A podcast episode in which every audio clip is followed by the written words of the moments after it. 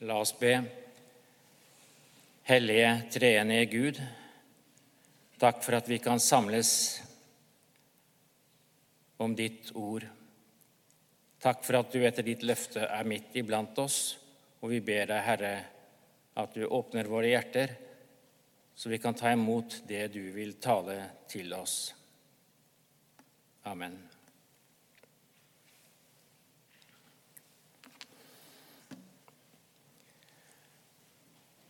For noen tiår tilbake var jeg ordstyrer på et landsmøte i en kristen misjonsorganisasjon. Disse landsmøtene ble alltid holdt i begynnelsen av eh, juli og falt derfor sammen med kong Olav den 5.s fødselsdag på 2. juli. Tradisjonen tro eh, sendte jeg på vegne av landsmøtet et hilsningstelegram til kongen. Litt senere mottok jeg et svartelegram fra Slottet med takk for gratulasjonen. Da vi så var samlet til forhandlingsmøte igjen, gikk jeg på talerstolen og sa det er kommet et telegram fra Slottet. Og som på et usynlig signal reiste hele forsamlingen seg. Det var helt åpenbart en helt umiddelbar og naturlig reaksjon når man skulle høre ord fra kongen. Det var ikke noe spesielt med telegrammet. Det kom på vanlig papir. Det var ikke noe sånn kongemonogram eller noe slikt på det. Det kom på egentlig ganske simpel type papir som var av den typen som ble brukt i gamle dager når man fikk telegram fra telegrafen. Det er vel noen som er gamle nok til å huske hva det var for noe. Eh, det har gått ut litt på dato nå. Det spesielle ved dette telegrammet var jo at det kom fra Slottet, og at det var undertegnet av Olav den 5. Jeg har her en bok som er trykt på vanlig papir. Det vil si, det er kanskje ikke helt vanlig, det er gjerne litt tynnere, det papiret, enn det som brukes i de fleste bøker. Men boken er ikke spesiell av papirkvaliteten eller på skrifttypene som er brukt i den. Boken er skrevet av mennesker, men budskapet har guddommelig opphav. Hebrebrevets forfatter sier det slik i starten av sitt brev. Mange ganger og på mange måter har Gud i tidligere tider talt til fedrene gjennom profetene. Men nå, i disse siste dager, har han talt til oss gjennom Sønnen. Gud har talt til oss mennesker gjennom profetene og gjennom sin egen sønn, slik vi kan lese i evangeliene. Men Guds sønn har også talt gjennom sine apostler. Han sa jo, 'Den som hører dere, hører meg'. La oss nå høre Herrens ord, slik det lyder gjennom hans apostel Paulus. Vi leser fra Filippebrevet 2, og vi reiser oss.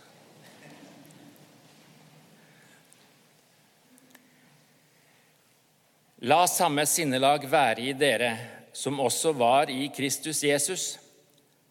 Han var i Guds skikkelse og så det ikke som et rov å være Gud lik, men ga avkall på sitt eget, tok på seg en tjenerskikkelse og ble menneske lik. Da han sto fram som menneske, fornedret han seg selv og ble lydig til døden, ja, døden på korset. Derfor har også Gud opphøyd ham til det høyeste og gitt ham navnet over alle navn i Jesu navn skal derfor hvert kne bøye seg, i himmelen, på jorden og under jorden, og hver tunge bekjenne at Jesus Kristus er Herre, til Gud Faders ære. Slik lyder Herrens ord.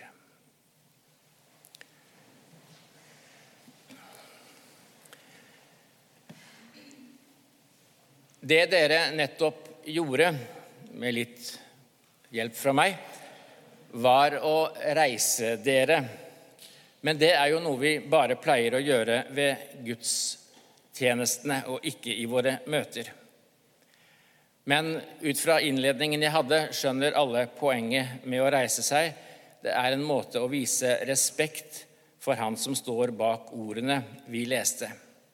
Og den som i ytterste konsekvens står bak disse ordene, det er han som i Johannes' åpenbaring omtales ikke bare som konge, men som herrenes herre og kongenes konge. Og med tanke på den leseteksten vi nylig hørte fra åpenbaringen frem, er det verdt å merke seg at det er lammet som omtales på denne måten. I kapittel 17 i åpenbaringsboken heter det altså men lammet er herrenes herre og kongenes konge. En som har en slik tittel, fortjener all respekt og ære.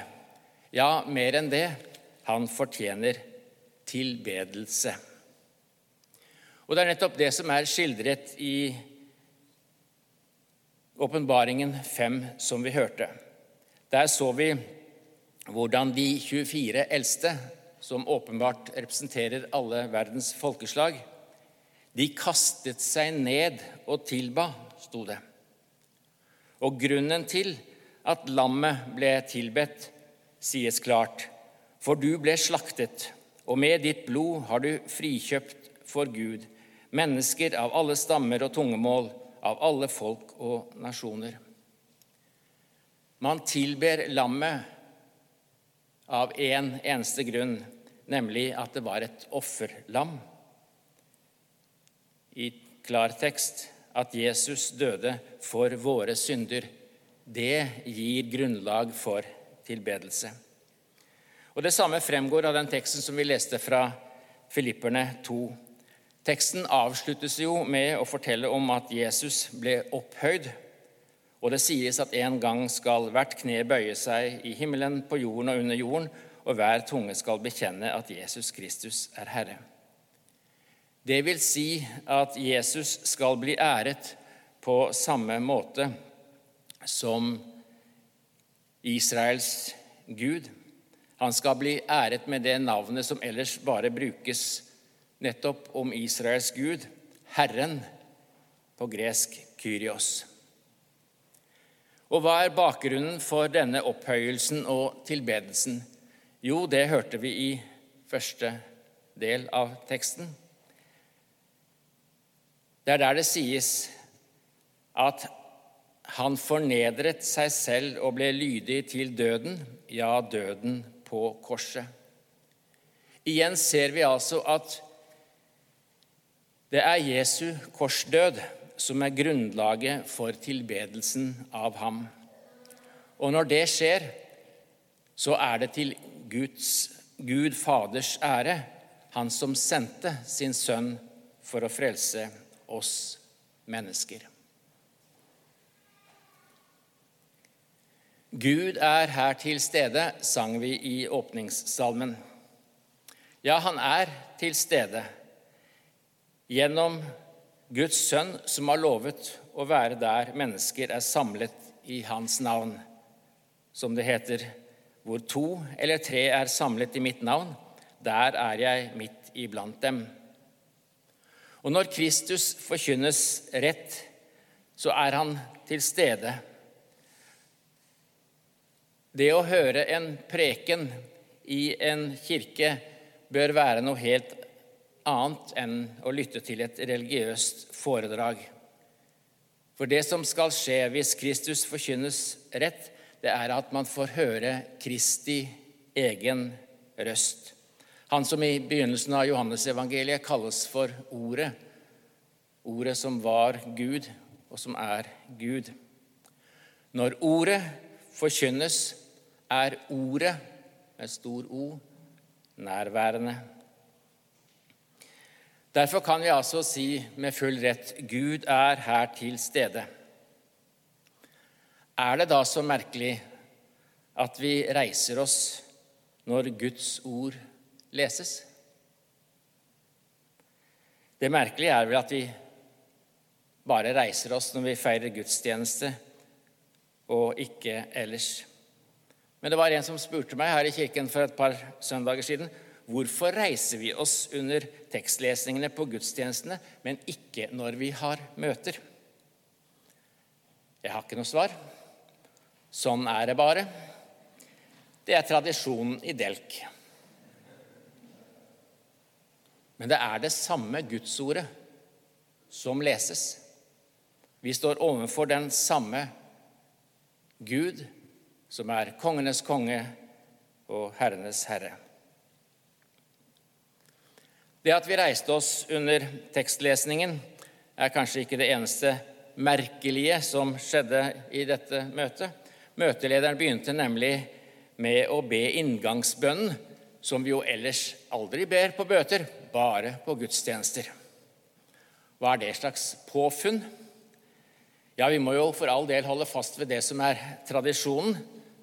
Eller må vi det? Hvorfor kan vi ikke reise oss under tekstlesingen på et møte og starte med en fast bønn, som for øvrig i høyeste grad er tradisjonell?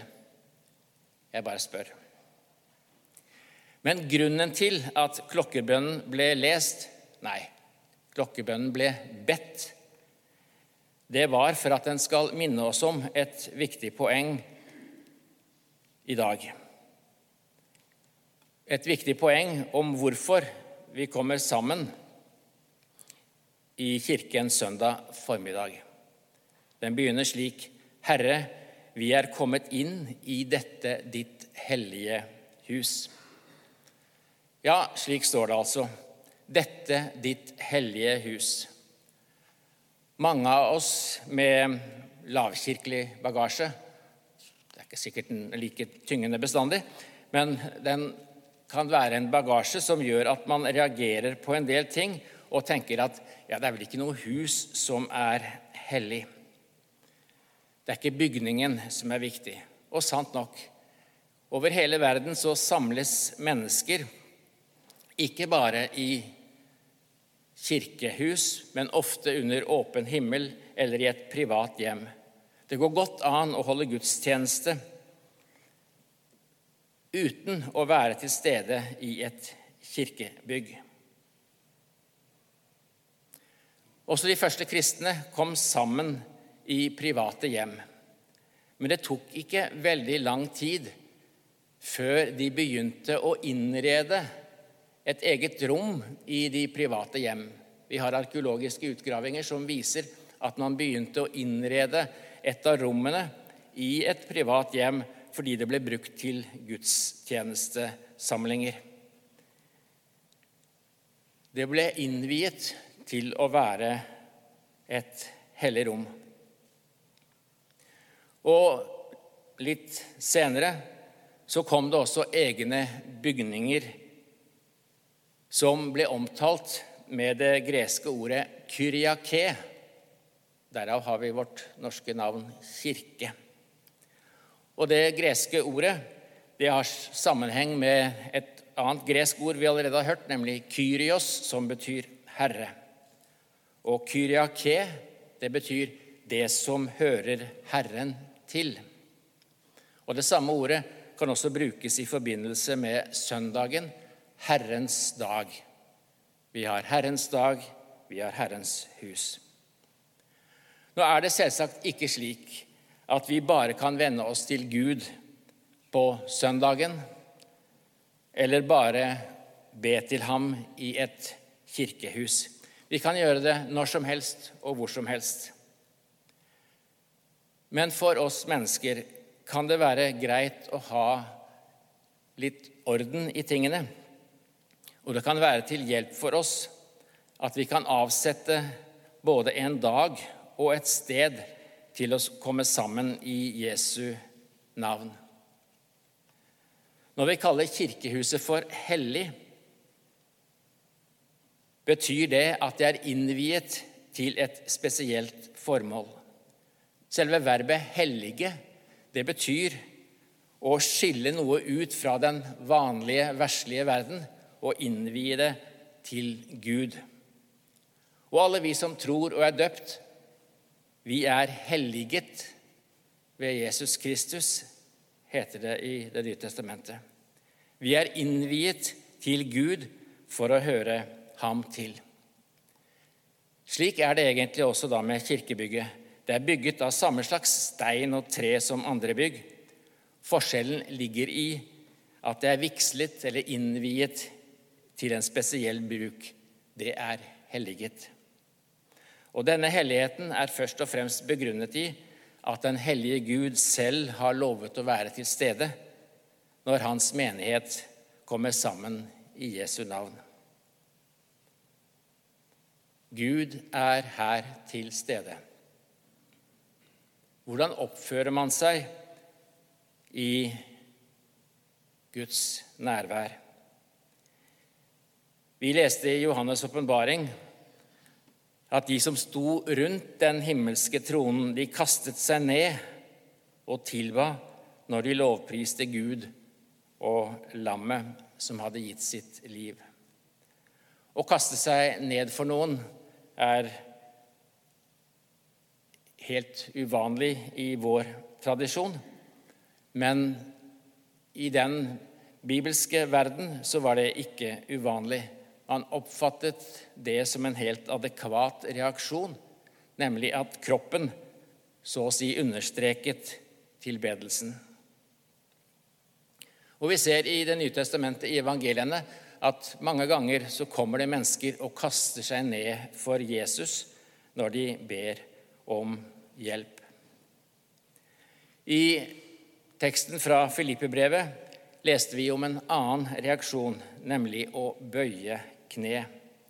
En gang skal alle mennesker i hele universet, både de som har levd og som lever, de skal bøye kne i erkjennelsen av at Jesus er Herre, at Han er Gud. Det skal skje en gang at alle gjør det. Hva da med oss som allerede nå erkjenner og bekjenner at Jesus er Herre? Burde ikke vi bøye våre knær for ham?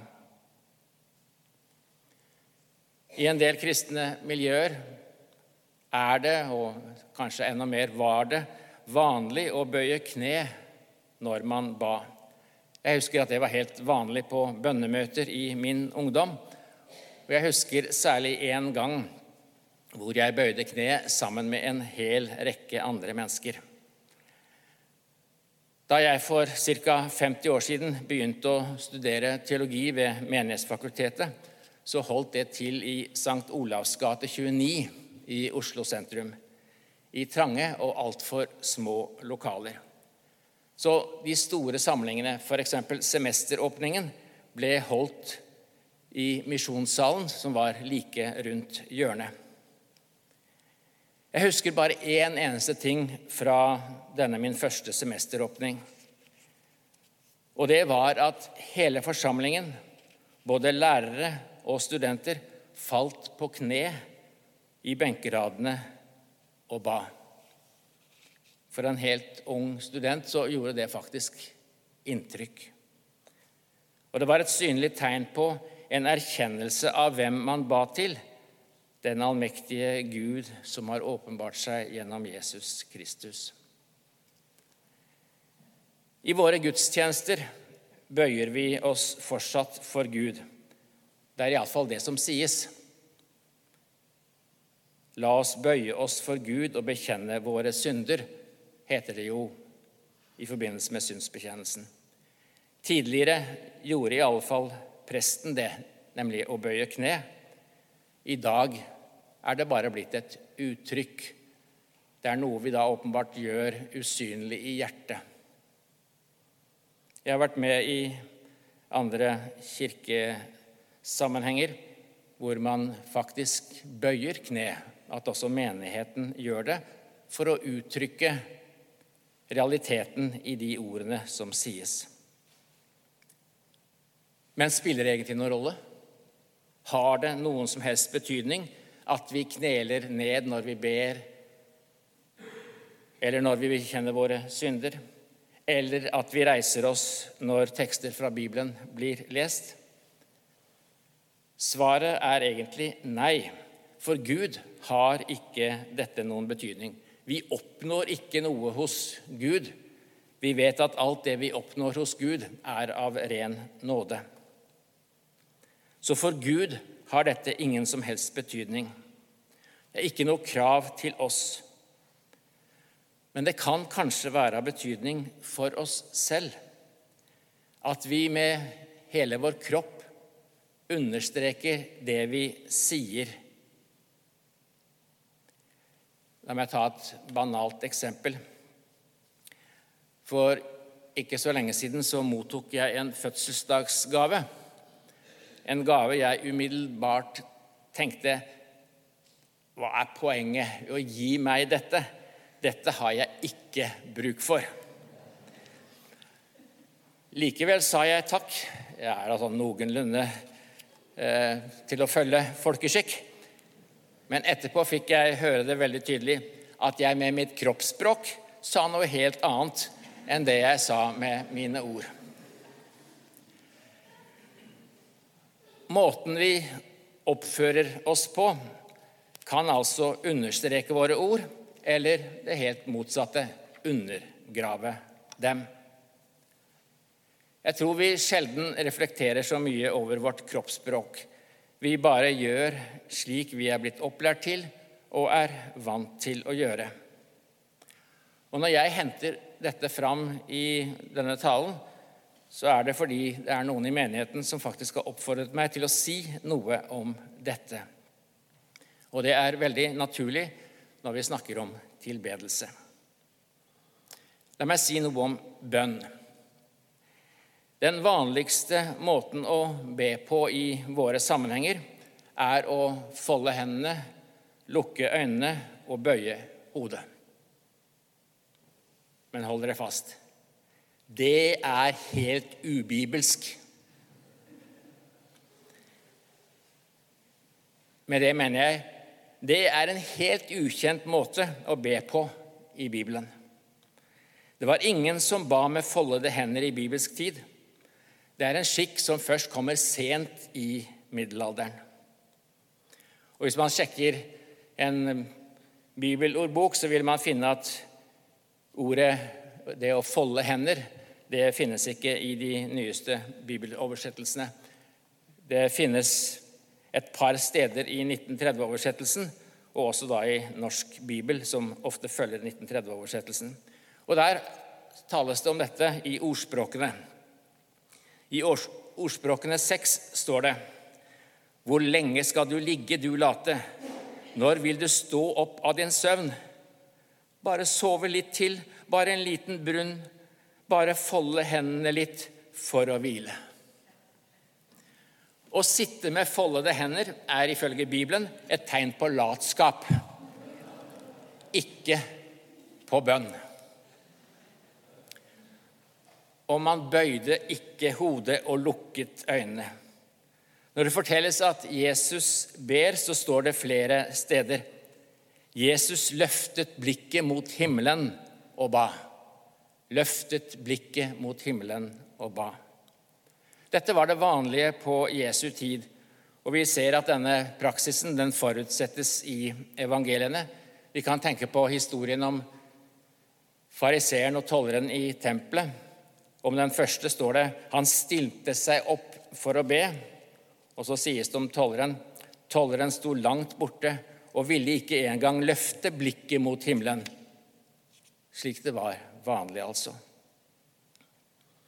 Og denne praksisen med å stå og be, ikke med foldede hender, men med løftede hender, den har vi også en påminnelse om i Paulus brev til Timotius, hvor han skriver på hvert sted vil jeg at mennene skal be med løftede og rene hender. Det var dette som var den normale bønnestillingen. Det er faktisk slik i antikken at alle som ba, de ba med løftede hender. Det var den eneste måten man kjente, så å si, når det gjaldt det å be.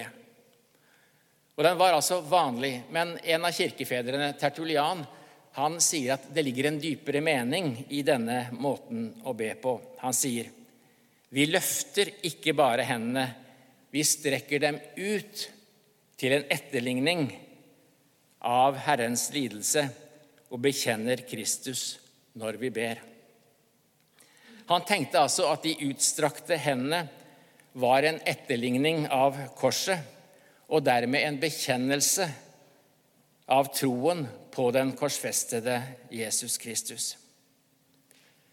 I våre sammenhenger er det bare presten som ber med løftede hender. Men dere kan jo merke dere det. Når dere ser disse løftede hender, så er det et minne Kan det minne oss om at den vi ber til, er Han som døde for oss han som ble korsfestet, lammet som ble slaktet.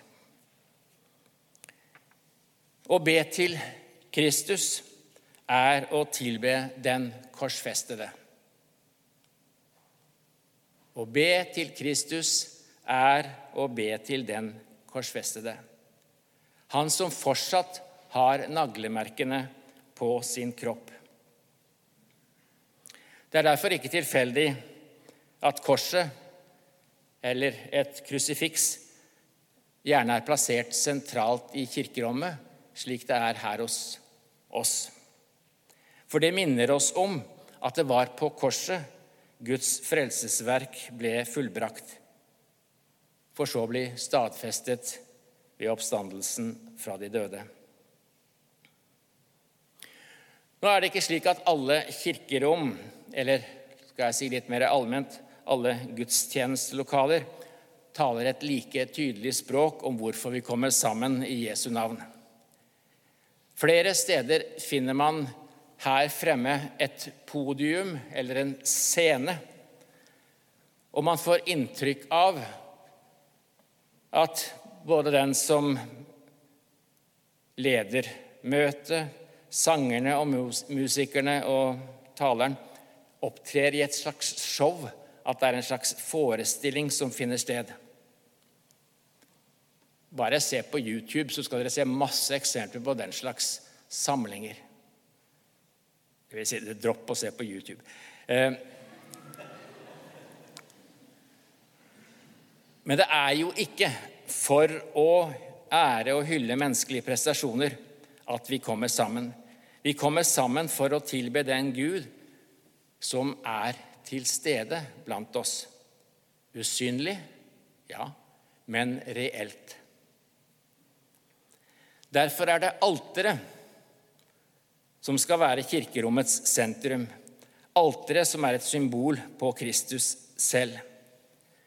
Det minner oss om at Kristus både er vår øverste prest, som ofret ved alteret, og vårt offerlam, som ble ofret på alteret. Alteret er ikke et tilfeldig møbel i et kirkerom. Det representerer Kristus, han som er sentrum for enhver gudstjeneste. Noen her i menigheten har sikkert registrert at noen av våre relativt nye medlemmer gjør noe som man ikke er vant til, nemlig å neie eller bukke foran alteret. Det vil være en uvant skikk. Men hva er det det dreier seg om? Jo, det er et uttrykk for respekt og ære til Kristus, han som alteret symboliserer. Jeg har nevnt at Kristus er til stede hos oss gjennom ordet. Men han er enda mer konkret til stede når vi feirer nattverden. Da er han nærværende, reelt nærværende, ikke bare som et symbol. Han er reelt nærværende i brødet og vinen. Det betyr at når vi kneler ned og mottar brødet og vinen, så mottar vi ingen annen enn Herrenes Herre, kongenes konge. Kyrill, en som var prest og biskop i Jerusalem på 300-tallet. Han sier at vissheten om hva som egentlig skjer i nattverden, det bør få konsekvenser for hvordan vi mottar brødet og vinen. Når vi mottar brødet, sier han, bør vi legge den ene hånden oppå den andre og forme hendene som et beger. For på den måten former vi også hendene våre som en trone. For vi er jo i ferd med å motta en konge, sier Kyrill. Slik kan kroppsspråket vårt vise hva vi tror på. Ja, at vi tror at det ikke er bare tale om en brødbit eller en kjeksbit. Nei, det er Kristus selv som er til stede og legges i hånden vår. Det er en måte å gi ære og respekt overfor kongen som er midt iblant oss. I forbindelse med nattverden har dere sikkert mange av dere oppdaget at det er stadig flere av oss som tegner oss med korstegnet når presten gjør det samme og lyser fred over de som har mottatt sakramentet. Også det vil nok oppleves som uvant av mange. Og Jeg husker tilbake i min ungdom en gang i forrige årtusen. Så så jeg på TV Det var særlig tyske skihoppere. Før de satt utfor hoppet, så korset de seg. Og vi har sikkert sett mange eksempler på idrettsutøvere som korser seg før de løper ut på banen. Jeg tenkte den gang at dette var en sånn merkelig katolsk skikk som nesten fikk preg av noe magisk. Og Det er neppe noen tvil om at dette med korstegnet har blitt misbrukt og utvannet. Men jeg har siden lært at det å korse seg er en svært gammel kristen skikk fra Kirkens eldste tid. Og vi har bevart det i denne skikken i vår dåpsliturgi når presten tegner korsmerket over den som blir døpt, og sier:" Jeg tegner deg med det hellige korsets tegn til et vitnesbyrd om at du skal tilhøre den korsfestede Jesus Kristus og tro på ham. Slik er vi alle merket ved dåpen. Og det man gjør når man korser seg i gudstjenesten, er å bekrefte denne tilhørigheten til Kristus. Man kan kanskje si at det er en synliggjøring av det Paulus skriver i Galaterne 2. Jeg er korsfestet med Kristus. Jeg lever ikke lenger selv, men Kristus lever i meg. Det livet jeg nå lever, som menneske av kjøtt og blod, det lever jeg i troen på Guds sønn, som elsket meg og ga seg selv for meg. Tenk hvis vi kunne bare huske det. Hver gang vi korser oss, så er det for å minnes Han som elsket oss og ga seg selv for oss, lammet som ble slaktet for oss. Dessuten, å korse seg er helt og fullt luthersk. I Den lille katekisme, som er bekjennelsesskrift i vår kirke, anbefaler Luther at man om morgenen, når man står opp, og om kvelden, når man legger seg, at man tegner korsets merke og ber en bønn. Og gjerne også fremsier trosbekjennelsen. Det er en måte å markere morgen og kveld hvem man hører til hos, hvem som er ens ledestjerne og herre. Når jeg nå i denne preken har snakket en god del om disse ytre tingene, er det ikke fordi det er visse kroppsstillinger og gester som er pålagt i Skriften, men for å minne oss om hva de egentlig betyr. Jeg tenker at enhver må være fri i disse spørsmålene.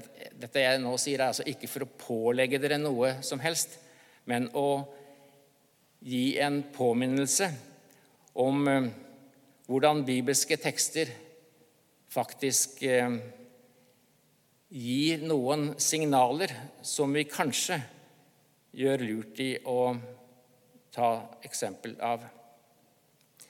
Kan hende er det bra for oss lutherske nordmenn, og vi kan vel føye til svensker, eh, tyskere og andre nasjoner, amerikanere som måtte være til stede.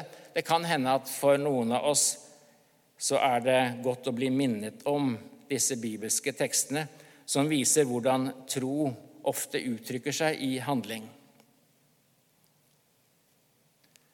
Det siste jeg skal nevne, er det aller siste Jesus gjorde og disiplene gjorde før han ble tatt opp til himmelen. De aller siste minuttene av Jesu jordeliv er i Lukasevangeliet omtalt på følgende måte. Så førte han dem ut til, mot Betania, og han løftet hendene og velsignet dem. Og mens han velsignet dem, skiltes han fra dem og ble tatt opp til himmelen. De falt på kne og tilba. Også vi skal få være med i denne tilbedelsen av den korsfestede og oppstandende Guds sønn, som nå sitter ved Faderens høyre hånd, og som er midt iblant oss. Til ære for Faderen og Sønnen og Ånden, som var og er en sann Gud fra evighet og til evighet. Amen.